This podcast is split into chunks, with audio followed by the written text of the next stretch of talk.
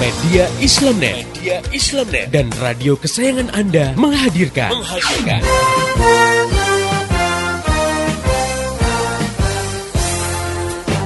Voice of Islam, Voice of Islam, Voice of Islam. Di satu sisi diyakini bahwa perbuatan judi dan semua bentuk kemaksiatan itu diharamkan oleh Islam. Itu juga banyak yang sudah tahu. Namun di sisi lain, umat Islam sendiri tidak memiliki kemampuan untuk melarang kegiatan seperti itu. Karena sebenarnya kalau orang paham Islam, maka tidak akan dia punya pendapat wanita harus bekerja karena Islam tak pernah mewajibkan wanita untuk bekerja yang wajib bekerja itu laki-laki hmm, karena mereka iya. wajib menanggung nafkah keluarganya. Jadi sebenarnya hukumnya wanita bekerja itu mubah, hmm, boleh ya, jadi tidak dosa. Pemanfaatan tenaga nuklir apabila dipergunakan untuk kemaslahatan umat seperti penggunaan sektor non energi dan energi tersebut, maka hukum Islam memperbolehkan bahkan menghancurkan. Namun apabila digunakan untuk tenaga nuklir yang sifatnya menghancurkan kehidupan, dan menimbulkan kerusakan di muka bumi, misalnya seperti senjata nuklir, maka hal ini tersebut haram hukumnya. Allah Subhanahu wa taala mencela tindakan merusak dan orang-orang yang membuat kerusakan di muka bumi.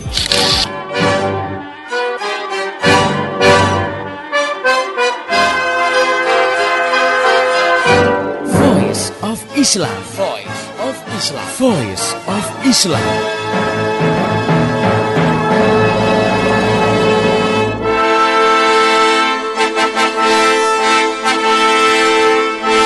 Halo Indonesia, Assalamualaikum warahmatullahi wabarakatuh. Pendengar yang budiman, senang sekali hari ini kita bisa bertemu lagi di program Voice of Islam Kerja bareng media Islamnet dan radio kesayangan Anda ini.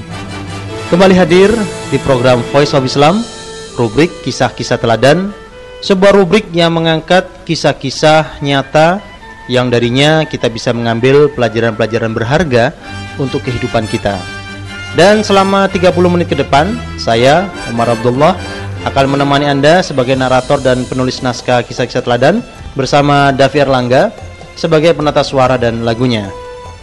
Pendengar yang budiman, kali ini kisah-kisah teladan mengangkat topik pemurah yang tidak palsu. Pemurah yang tidak palsu.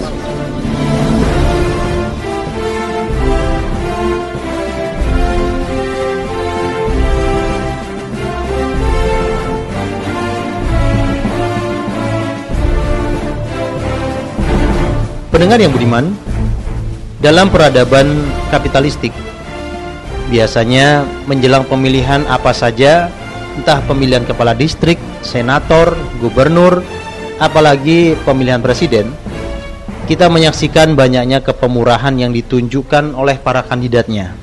Mulai dari uang, kaos, pengobatan gratis sampai sembako dibagikan ke rakyat. Media massa diundang untuk memblow up kepemurahan itu muncul pertanyaan dalam diri kita, kenapa kepemurahan itu munculnya menjelang pemilihan ini dan itu? Apakah kepemurahan itu ikhlas karena ingin melaksanakan perintah Allah ataukah semua itu palsu? Masih adakah kepemurahan itu setelah pemilihan? Dan ketika akhirnya seseorang menjadi kepala distrik, senator, atau jadi presiden, masihkah ia santun kepada rakyatnya yang tidur kedinginan dan kelaparan, yang tidak punya rumah, karena sudah ditenggelamkan lumpur atau karena digusur? Saya yakin Anda lebih tahu jawabannya. Nah, pendengar yang budiman, lalu bagaimanakah kepemurahan yang tidak palsu itu? Adakah teladannya? Agar kita bisa membandingkan dengan yang palsu. Agar jelas mana yang murni dan mana yang sepuhan. Jawabnya ada. Dialah Tolha bin Ubaidillah radhiyallahu an salah seorang kandidat khalifah pengganti Amirul Mukminin Umar bin Khattab radhiyallahu an. Dia manusia yang kepemurahannya murni bukan sepuhan. Kepemurahan yang luar biasa hingga Rasulullah SAW menggelarinya Tolha si pemurah, Tolha si dermawan, dan Tolha si baik hati. Kepemurahan yang dilakukan bukan karena dia ditunjuk sebagai kandidat kepala negara, kepemurahan yang tetap dilakukan walau akhirnya ia tidak terpilih menjadi kepala negara. Kepemurahan yang ditunjukkan oleh satu di antara sepuluh orang yang dijanjikan masuk surga. kepemurahan seorang pembela Rasulullah yang rela mati menjadi tameng Rasulullah di perang Uhud karena kecintaannya kepada Rasulullah melebihi kecintaannya pada dirinya sendiri. Nah, pendengar yang beriman, inilah kisah hidup si pemurah yang tidak palsu, Tolha bin Ubaidillah radhiyallahu anhu.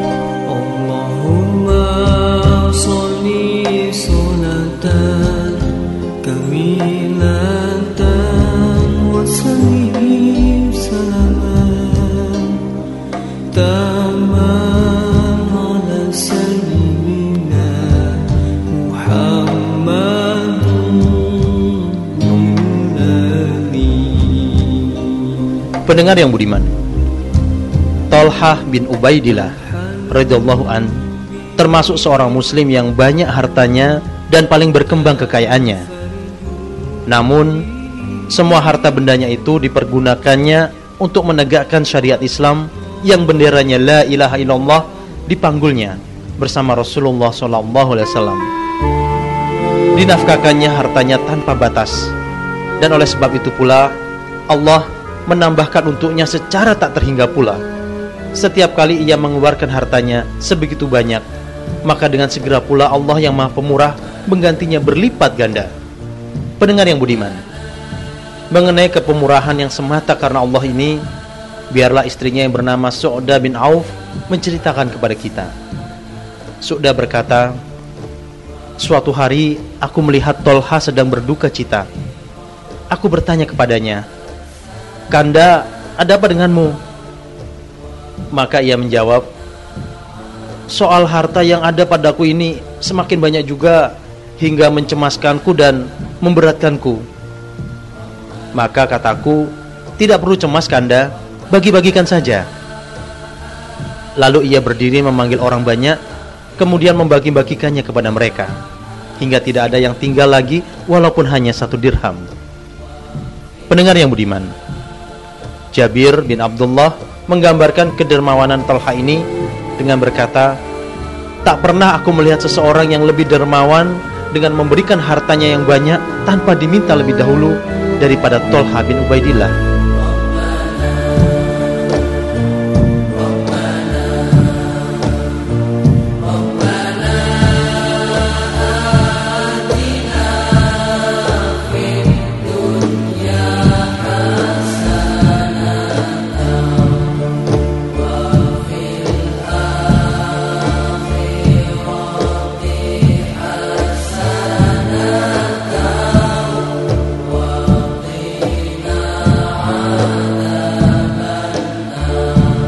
Pendengar yang budiman. Tolha adalah seorang yang paling banyak berbuat baik kepada keluarga dan kaum kerabatnya. Ditanggungnya nafkah mereka semua Sekalipun demikian banyaknya anggota kerabatnya. Mengenai hal ini Seseorang mengatakan tentang dirinya Tak seorang pun dari Bani Taim yang mempunyai tanggungan Melainkan dicukupinya perbelanjaan keluarganya.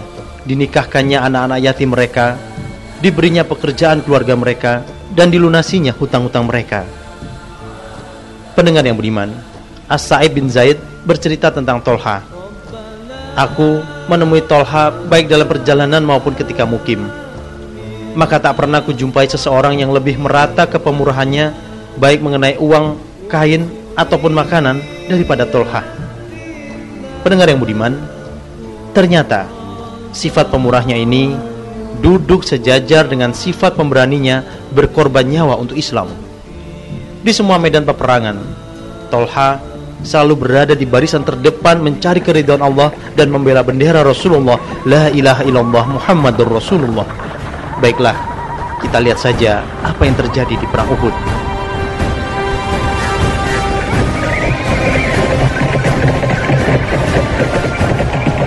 Saat itu, Sebenarnya kaum muslimin sudah akan memenangi pertempuran. Kalau saja pasukan panah yang diperintahkan oleh Rasulullah untuk tetap di tempatnya patuh pada perintah Rasul untuk tidak turun ke bawah apa pun yang terjadi. Tapi hanya karena terbius nafsu memperebutkan harta rampasan, mereka menyalahi larangan Rasul itu. Maka keadaan akhirnya berbalik. Kaum kafir Quraisy menyerang kembali pasukan Islam dan berhasil menguasai kendali pertempuran peperangan berkecamuk lagi dengan segala kekejaman dan kedahsyatannya. Serangan mendadak yang dipimpin oleh Khalid bin Walid yang kala itu masih kafir berhasil mengkocak-kacitkan barisan pasukan Islam hingga Rasulullah SAW menjadi sasaran empuk pasukan musyrik itu. Tolha Tolha menyadari bahaya itu maka dengan cepat ia bersegera ke arah Rasulullah Tolha terus maju menebas jalan yang walaupun pendek tapi terasa panjang setiap jengkal jalan dihadap puluhan pedang yang bersilang dan tombak-tombak yang mencari mangsanya akhirnya dari jauh dilihatnya Rasulullah SAW bercucuran darah dari pipinya sambil menahan sakit yang amat sangat. Tolha naik pitam dan berang. Diambilnya jalan pintas dengan satu atau dua lompatan dahsyat dari kudanya, tubuhnya melesat ke hadapan Rasulullah yang dicintainya itu. Dan apa yang ditakutinya terjadi? Rasulullah dalam kepungan pedang-pedang musyrikin. Pendengar yang budiman, maka bagi satu peleton tentara, Tolha berdiri kukuh menjadi tameng Rasulullah Pedangnya diayunkan ke kiri dan ke kanan. Diraihnya Rasulullah dengan tangan kirinya dari lubang tempat kaki beliau terperosok. Sambil memapah Rasulullah yang mulia itu dengan dekapan tangan kiri di dadanya, ia mengundurkan diri ke tempat yang aman. Sementara tangan kanannya, semoga Allah memberkahi tangan kanannya, mengayun-ayunkan pedangnya bagai kilat menusuk dan menyabet orang-orang musyrik yang mengerubung Rasulullah. Pendengar yang budiman, marilah kita dengarkan penuturan Abu Bakar As-Siddiq menggambarkan medan tempur kala itu.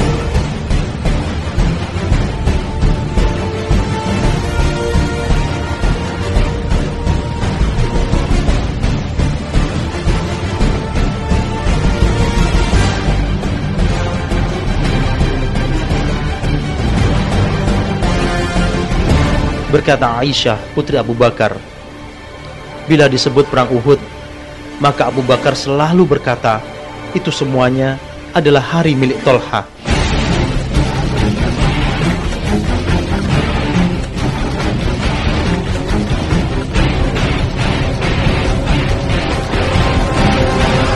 Aku adalah orang yang mula-mula mendapatkan Rasulullah sallallahu alaihi wasallam maka berkatalah Rasulullah kepadaku dan kepada Abu Ubaidah bin Al-Jarrah, "Tolonglah, tolonglah saudaramu itu, yaitu Tolha." Kami lalu menengoknya dan ternyata pada sekujur tubuhnya terdapat lebih dari 70 luka bekas tusukan tombak, sobekan pedang dan tancapan panah dan ternyata anak jarinya putus. Maka kami segera menolong dan merawatnya. Lalu turunlah firman Allah, "A'udzubillahi minasyaitonirrajim."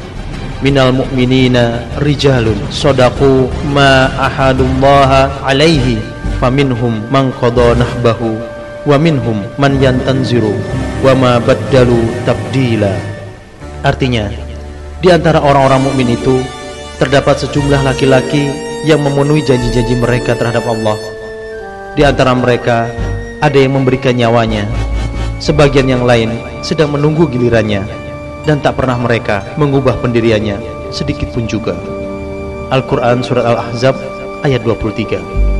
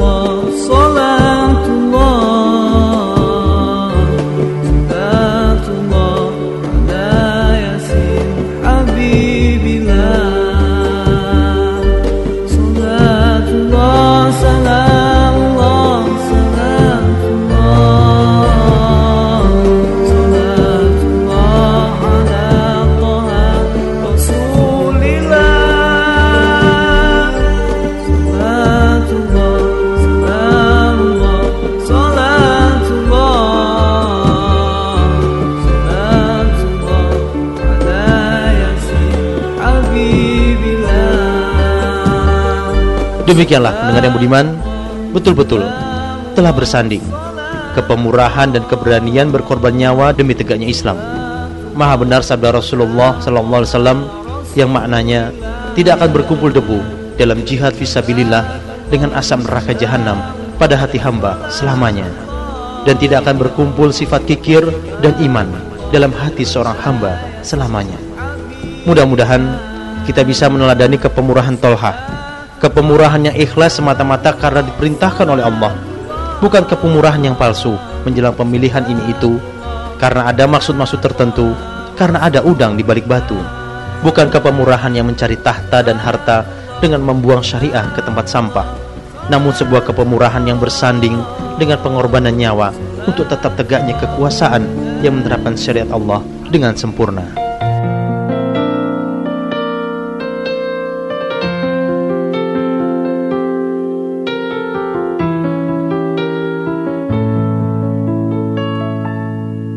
Ya Allah, Ya Rahman, Ya Rahim. Jadikanlah kami orang-orang yang pemurah Yang ikhlas semata-mata karena menjalankan perintahmu Sebagaimana Tolha bin Ubaidillah. Ya Allah, kami berlindung diri kepadamu Dari ketidakikhlasan dalam berbuat Dari kesombongan dalam bertingkah Dan dari kebodohan dalam bertindak. Karena itu ya Allah Kami mohon kepadamu Jagalah hati-hati kami dari keraguan-raguan. Besarkanlah harapan-harapan kami Hunjamkanlah keyakinan kami akan janjimu. Janjimu bahwa bersama kesulitan ada kemudahan. Janjimu bahwa barang siapa menolong agamamu Maka engkau pasti menolongnya. Janjimu bahwa Al-Khilafah Ar-Rashidah ala minhajin nubuah Akan tegak kembali. Ya Allah penguasa jagat ini Tak ada yang dapat kami haturkan Di hadapan kebesaranmu Di akhir doa ini Kecuali Alhamdulillahi Rabbil Alamin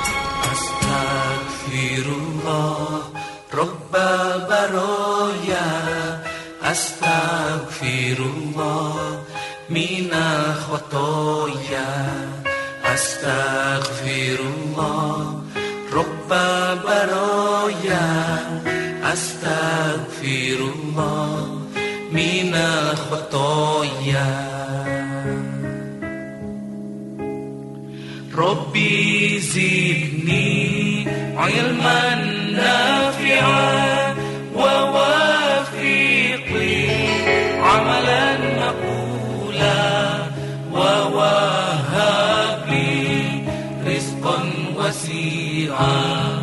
وتب علي توبة نصوحا وتب علي توبة نصوحا أستغفر الله رب البرايا أستغفر الله من الخطايا. أستغفر الله رب البرايا أستغفر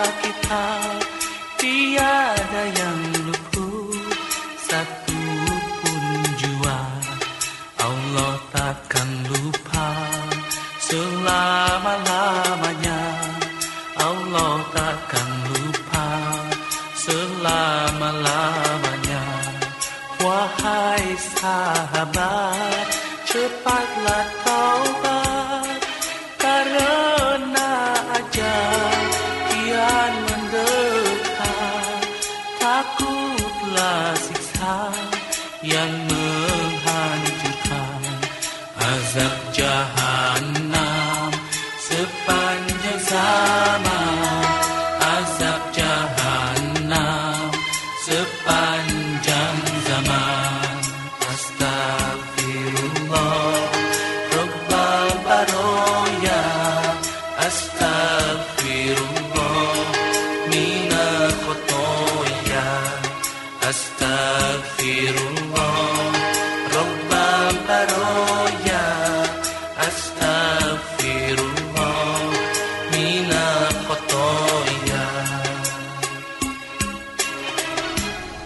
Pendengar yang budiman, demikianlah kisah-kisah teladan hari ini.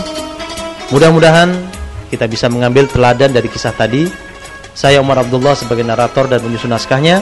Davi Erlangga sebagai penata musik dan lagunya dan seluruh kerabat kerja yang bertugas ucapkan terima kasih atas perhatian Anda dan mohon maaf atas segala kekurangan.